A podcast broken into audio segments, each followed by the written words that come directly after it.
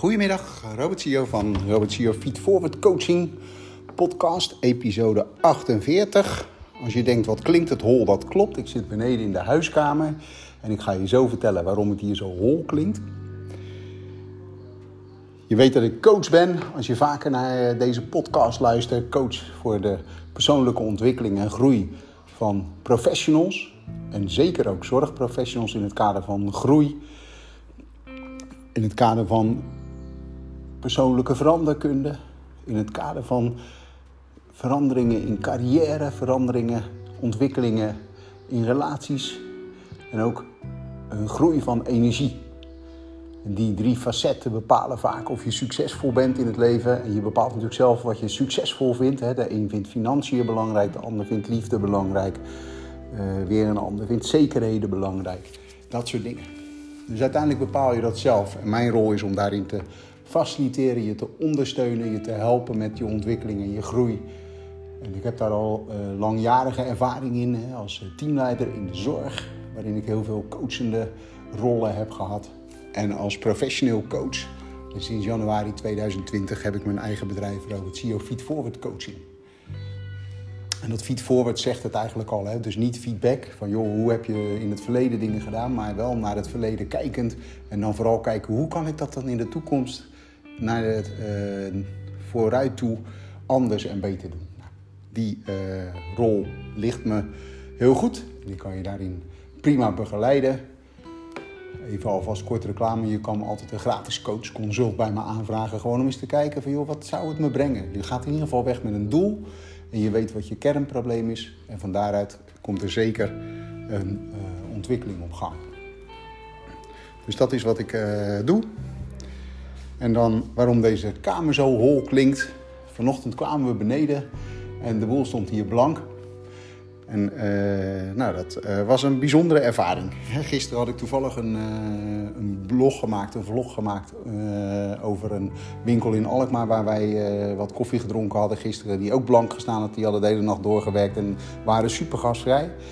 En vanochtend kwamen wij beneden en stond hier de benedenkamer blank. Bij de uitbouw was het water naar binnen gekomen. We weten nog steeds niet helemaal waar. Of dat nou door het dak heen geslagen is, dus dat het dak lek is. Of dat het langs de glazen panelen naar binnen is komen sijpelen. Geen idee, we hebben het niet gezien. Maar goed, het was in één keer natuurlijk vol aan de slag. En dan is het natuurlijk wel mooi om te bedenken hoe werkt het brein op het moment dat je zo'n tegenslag hebt. En als je die tegenslag dan analyseert, wat gebeurt er dan? Je kent vast wel, en dat heb ik het al wel vaker gehad, dat je, uh, je een aantal systemen in je lijf hebt. Je hebt vechten, je hebt vluchten en je hebt ook bevriezen. En wat je in eerste instantie doet, is altijd even een vriesmoment. En dan heb je een keuze. Dan kan je vluchten, denken shit, wegwezen. Uh, hè? Maar goed, het was niet zo gevaarlijk. Het was geen sabeltandtijger, hè? het was een beetje water. Een beetje boelwater. Met een uh, zeiknatte bank en een zeiknat kleed en een hele natte vloer. En op dat moment werkt bij mij heel goed om de stoptechniek te doen. Die ga ik straks nog wel eventjes aan jullie uitleggen. Maar het heeft er dus alles mee te maken. Hoe interpreteert je brein wat er is gebeurd? En dit is natuurlijk geen acute dreiging meer, want het is al gebeurd. Hè? Het heeft vannacht blijkbaar zo hard geregend dat het water naar binnen is gecijpeld. Het is niet dat het op dat moment nog naar beneden drupt. Dus op dat moment kan je niks doen aan de oorzaak. Je kan wel wat doen aan het gevolg. Alleen je hebt eerst even natuurlijk zo'n korte paniekreactie. Want dat is wat er gebeurt. Daardoor krijg je de bevriezing. Vanuit de bevriezing ga je vechten of vluchten. Nou, in dit geval is vechten dan de boel opruimen, bank naar buiten, kleed naar buiten, dweilen. Zorgen dat alles weer droog wordt. Deuren tegen elkaar openzetten. Uh, het plafond waar nodig uh, droog maken. Uh, nou, allemaal dat soort dingen. Dus dat is dan wat je gaat doen. Tenminste, wat ik gedaan heb. Dus je gaat in de actiemodus. Je gaat zorgen dat het opgelost wordt. En de verzekering bellen. Zo van, joh, waterschade. Oké, uh, je krijgt een nummer en uh, we nemen morgen weer contact met u op. Want het is vandaag zondag. De aannemer gebeld die de, de uitbouw geplaatst heeft. Van, joh, wat kan de oorzaak zijn? En kan je iemand uh, laten kijken om te zien of er echt iets fundamenteels mis is of was het een ongeluk en is er iets door het extreme weer geweest. Alleen we krijgen steeds meer extreem weer. Dus kan het aangepast worden. Maar dat is voor latere zorg. Maar die gesprekken voer, je, voer ik dan op dat moment vrij makkelijk. Want ja, dan ben je gewoon aan het schakelen en dan ben je al in de actiemodus. Maar wat doet het brein nou in feite in dat soort momenten? Want dat is waarom ik het wil gebruiken als voorbeeld in deze podcast. En zodat je weet van, hé, hey, wat gebeurt er nou bij een stressmoment? Want dit is een stressmoment. En een acuut stressmoment. En dan gaan we het straks ook nog hebben over de niet-acute stressmomenten, de continue stressmomenten. Want dan gebeurt er ook iets met dat brein. Maar eerst is die acute stressmomenten. Zoals ik al zei, het is net zoals of je tegenover een sabeltandtijger staat. Dus je hebt op dat moment even een paniekreactie. En dan heb je actie te ondernemen. En die actie kan je nemen vanuit negativiteit. Shit, en ik baal, en mijn vloer, en mijn bank. En, uh, of die actie kan je nemen vanuit, oké, het is gebeurd, en positiviteit. Dus hoe ga je het dan uh, oplossen, zeg maar? Nou, dat zijn even de, de keuzes die je, uh, die je moet maken, die je brein moet maken. En daarbij helpt voor mij, en waarschijnlijk dus ook voor jou, de stoptechniek. Want die stoptechniek zorgt dat je je negatieve gedachten eigenlijk onderbreekt. Want als je die negatieve gedachten hebt, die moet je onderbreken, want die beïnvloedt je handelen. Want als je in een negatieve gedachte gaat handelen, heb je dus kans dat je de verkeerde dingen doet, of dat je boos wordt op elkaar, of dat je geïrriteerd bent en dat alles niet gaat zoals het moet. Dus het is beter om te zorgen dat je stoptechniek beheerst. En de stoptechniek is eigenlijk vrij simpel. Op het moment dat je een negatieve gedachte waarneemt bij jezelf, dan is het op dat moment echt letterlijk stop zeggen. En als je letterlijk stop gezegd hebt, dan stap je uit die situatie waar je zit met die negatieve gedachten. Dus het kan zijn dat je zit. Ik kon niet zitten op de bank, hè, maar ik stond. Maar ik stapte dus echt letterlijk twee stappen naar links. Had ook twee stappen naar rechts gemogen. Hè. Maar dat kwam omdat er een plas op de vloer lag. Dus ik moest wel even kijken waar ik stapte. En op dat moment zeg je letterlijk stop. Je stapt uit die situatie. Je haalt één keer heel diep adem, diep in en diep uit. En dan daarna zeg je yes. Want yes is dan een positief signaal van ja, ik ga het aan. En die yes is gekoppeld aan allerlei positieve herinneringen die je hebt. He, dit heb je wel vaker geroepen. Als iets gelukt is, heb je wel eens vaker yes geroepen. Dus dat brein denkt, hé, hey, er is iets positiefs. En die gaat op dat moment gelijk met jou aan de slag. Dat onderbewuste brein, we hebben twee breinen, een bewust en een onderbewust brein. En die gaat gelijk met je aan de slag om te zorgen dat je, als het ware, de goede dingen gaat doen. Dus nog een keer de stoptechniek. Je voelt een negatieve gedachte. Je zegt letterlijk stop. Verandert van houding of van positie. Je haalt één keer diep adem. Je balt je vuist en zegt yes. En je geeft jezelf een compliment dat je hem doorbroken hebt, die negatieve gedachte. En nou is het makkelijkste om dat te oefenen als je dat helemaal niet hebt. Als je geen negatieve gedachten hebt. Want dan kan je hem oefenen. Want hoe vaker je hem oefent, hoe makkelijker het wordt. als je hem heel vaak oefent, dan wordt op een gegeven moment eigenlijk die negatieve gedachte al afgebroken voordat je eraan begonnen bent. En dat is natuurlijk wel helemaal handig, want dan krijg je geen negatieve gedachten meer. Dus je kan hem droog oefenen. En ze zeggen wel eens, je moet het dak repareren als de zon schijnt. Nou, dat is in dit geval een beetje een flauw grapje met net lekkage in mijn huis. Dus als het dak kapot is, dan moet het inderdaad gerepareerd worden voordat we nog meer waterschade hebben. Maar in dit geval kan je dus de stoptechniek oefenen als je niet somber bent. Door gewoon even net te doen alsof je somber bent, een negatieve gedachte hebt en hem dan te doorbreken. Door te zeggen: stop, uit je positie te gaan, diep adem te halen, yes te roepen, het liefst met een gebalde vuist, want dan anker je ook nog wat, en daarna een schouderklopje te geven.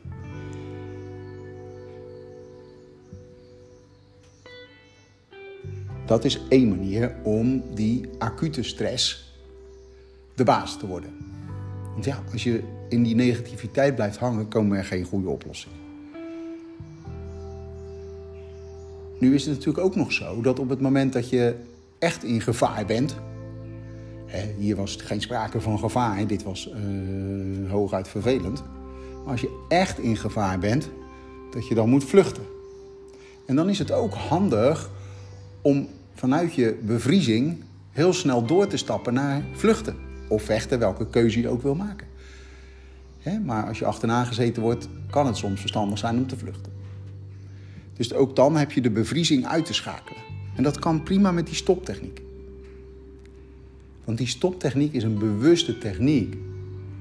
En die zorgt dat je eigenlijk weer bewust bij de situatie komt. Want in zo'n bevriezing ben je niet meer bewust in die situatie. Dus bij een acuut probleem, wat echt heel veel stress oplevert, waarbij je dus direct moet handelen, kan de stoptechniek ook zorgen dat je uit je bevriezing komt.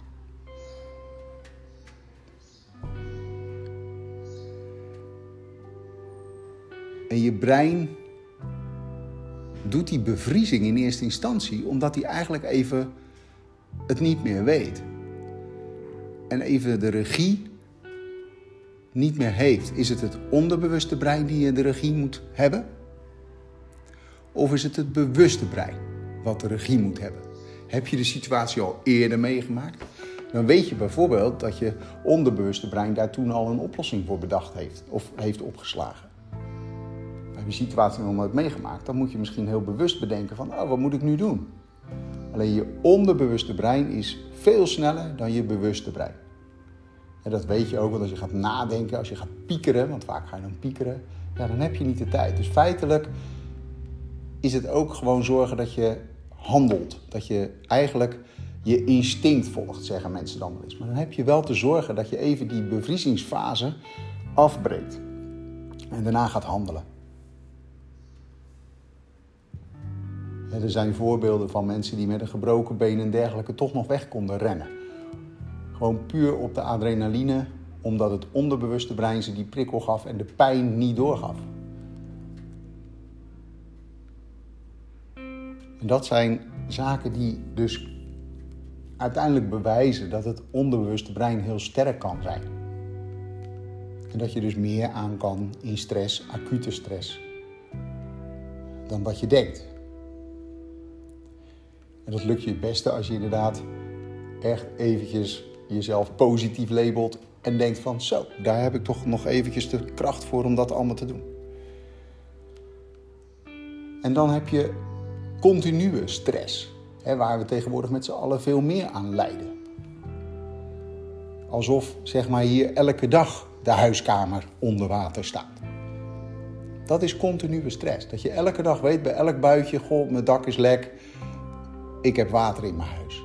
Dan wordt het continue stress. En dan helpt de stoptechniek natuurlijk wel om steeds te gaan handelen. Maar uiteindelijk heb je dan ook wel wat te doen om te zorgen dat die continue stress vermindert en verandert. Want je weet ook, als je continu in de stress zit, dat je continu adrenaline en cortisol aanmaakt. En dat dat uiteindelijk betekent dat je jezelf uitput. En dat is bijvoorbeeld waarom burn-outs ontstaan. En uh, ik mag daar natuurlijk helemaal niks over zeggen, want ik ben geen uh, psycholoog, psychiater of dokter. Dus ik kan niet iets uh, definiëren als burn-out. En het is maar de vraag of dat überhaupt bestaat als diagnose. Hè, het zijn burn-out-achtige verschijnselen. En dat is eigenlijk meer weergegeven, en het woord zegt het al, alsof je opgebrand bent. Omdat je continu in de stress en in de adrenaline zit. Want je weet ook nog wel van vroeger, toen wij holbewoners waren, dan kon je best even jagen maar op een gegeven moment moest je ook weer rusten. En dat is hetzelfde met topsporters. Die kunnen best op een heel hoog niveau trainen of een topprestatie leveren, maar daarna moeten ze ook rusten. Marathonlopers kunnen niet elke week een marathon lopen. Die hebben ook rust tussendoor nodig. Nou, zo geldt dat voor ieder mens. Je hebt nadat je stress hebt gehad, heb je ook een periode zonder stress nodig. Daarom is vakantie ook zo belangrijk. Zeker als je dat kan, zodat je niet meer gestrest bent. Nou, allemaal dat soort dingen zijn nodig om te voorkomen dat je zeg maar die continue stress ervaart. En dat zijn vaak niet de hoge stressniveaus. Hè? Dus dat is niet dat je continu uh, een bak vol water in je huis hebt. Maar dat je steeds kleine beetjes in, water in je huis hebt. Dus dat je steeds een klein beetje moet wijden. En dat is in feite misschien nog wel desastreuzer dan acute stress. Want acute stress, daar kan je mee afrekenen, op welke manier dan ook. En als je dat gedaan hebt, ja, dan krijg je daarna dat je echt even tijd hebt om te rusten. Dat je daarna echt even tijd hebt om te onstressen en te denken, ja, het zal wel. Maar die continue stress, die je bijvoorbeeld op je werk ervaart of die je in relaties ervaart, die zijn veel bepalender voor hoe je daar, daar is mee omgaan, veel lastiger. Die zijn ook veel bepalender voor je gezondheid. Dus het is super belangrijk om dat soort elementen heel goed uh, te bedenken bij jezelf. Van hoe is dat voor mij? Hoe ga je om met die continue stress, die steeds die werkdruk die je misschien ervaart, of die druk in die relatie waar je heel hard voor moet werken? Je kent ook het verschil hè, tussen ergens hard voor moeten werken, hè, wat je op wilskracht doet, op een gegeven moment is dat een keer op, of wat je op inspiratie doet, wat je leuk vindt om te doen, waar je heel blij van wordt. Ja, dat is niet op. Dan ben je in een flow en dan gaat het als vanzelf. En die continue stress, net op het niveau dat je hem wel waarneemt, maar dat die eigenlijk niet, dat je er niet iets direct aan gaat doen, die is in feite funest. En wat gebeurt er dan in je brein? Dan put je jezelf uit. Je herstelt niet, want je bent aan malen s'nachts. Je eh, slaapt slechter. Je eet vaak ongezonder, omdat je dan gaat snacken als je stress hebt. Allemaal dat soort ongezonde dingen gebeuren er dan. En voor die subliminale stress, dus die net onder de grens stress, die eigenlijk steeds opgeteld je verder uitput, daar heb je echt wel meer tijd voor nodig dan alleen de stoptechniek. De stoptechniek kan je natuurlijk helpen, want het doorbreekt een negatieve gedachte. Alleen die negatieve gedachte, die komt steeds terug en terug en terug en terug en terug. En je lijf maakt steeds maar die hormonen aan die zorgen dat je aan blijft staan. En die stoptechniek zorgt wel dat je je even uitzet. Alleen, hoe zorg je nou dat je echt eventjes echt maatregelen neemt? Dan zijn de assen van verandering een heel goed model. Want de assen van verandering, en dat zijn vier assen met aan beide kanten van, de, van elke as twee elementen.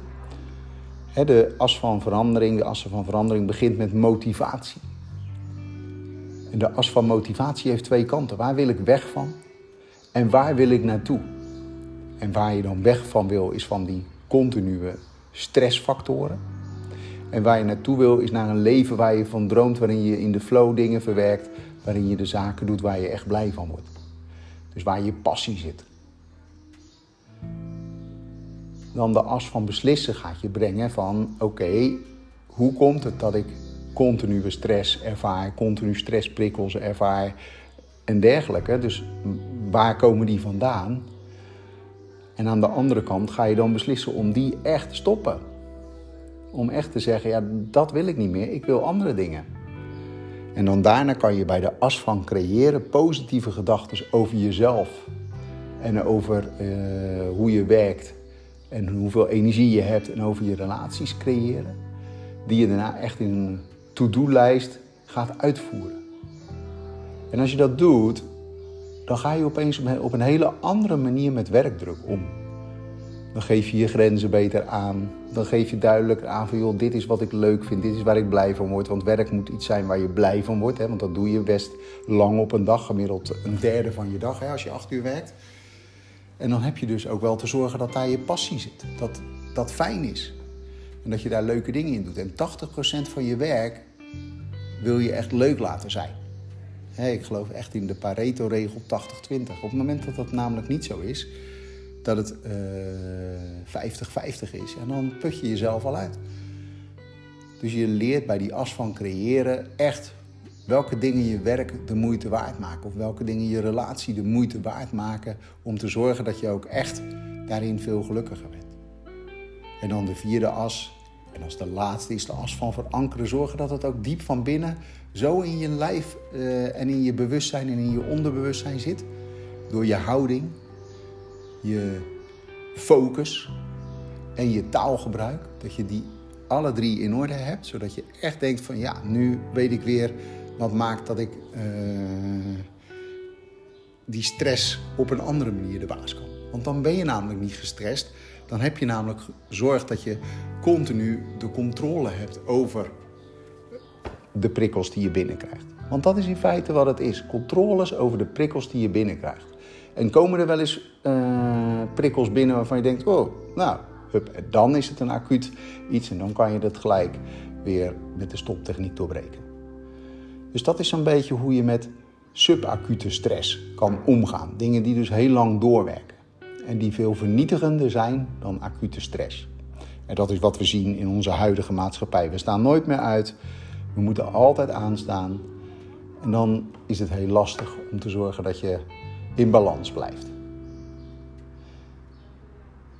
Ja, dus samenvattend bij acute stress kan je de stoptechniek prima gebruiken en daarna gewoon tot actie overgaan. En dat kan vechten of vluchten zijn.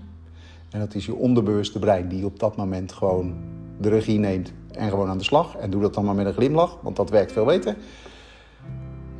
En bij subacute stress, wat steeds doorwerkt en doorwerkt en doorwerkt, daar heb je met de assen van verandering een waanzinnig mooi model om daarin met jezelf aan de slag te gaan.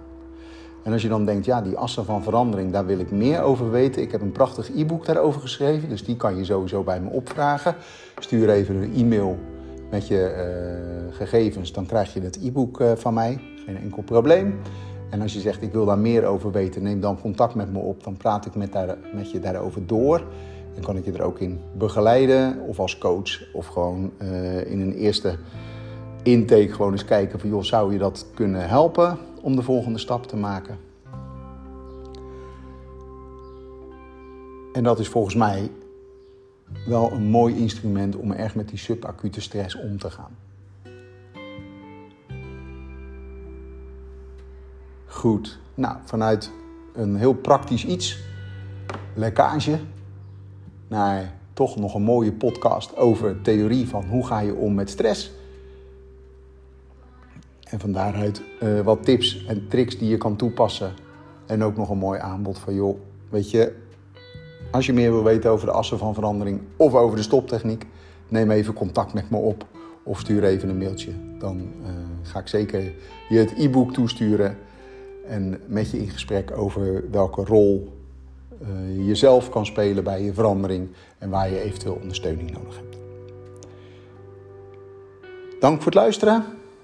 Ik ga nog weer eens even verder met hier de boel weer uh, inrichten. Kijken of de bank al een beetje aan het drogen is. Die was echt klennennat. Dus dat staat buiten in de zon. Hopen dat die snel droogt. En dan uh, hou ik jullie vast op de hoogte van de gevolgen. Maar dat, uh, hopelijk loopt dat al. Daar ga ik vanuit dat het allemaal losloopt.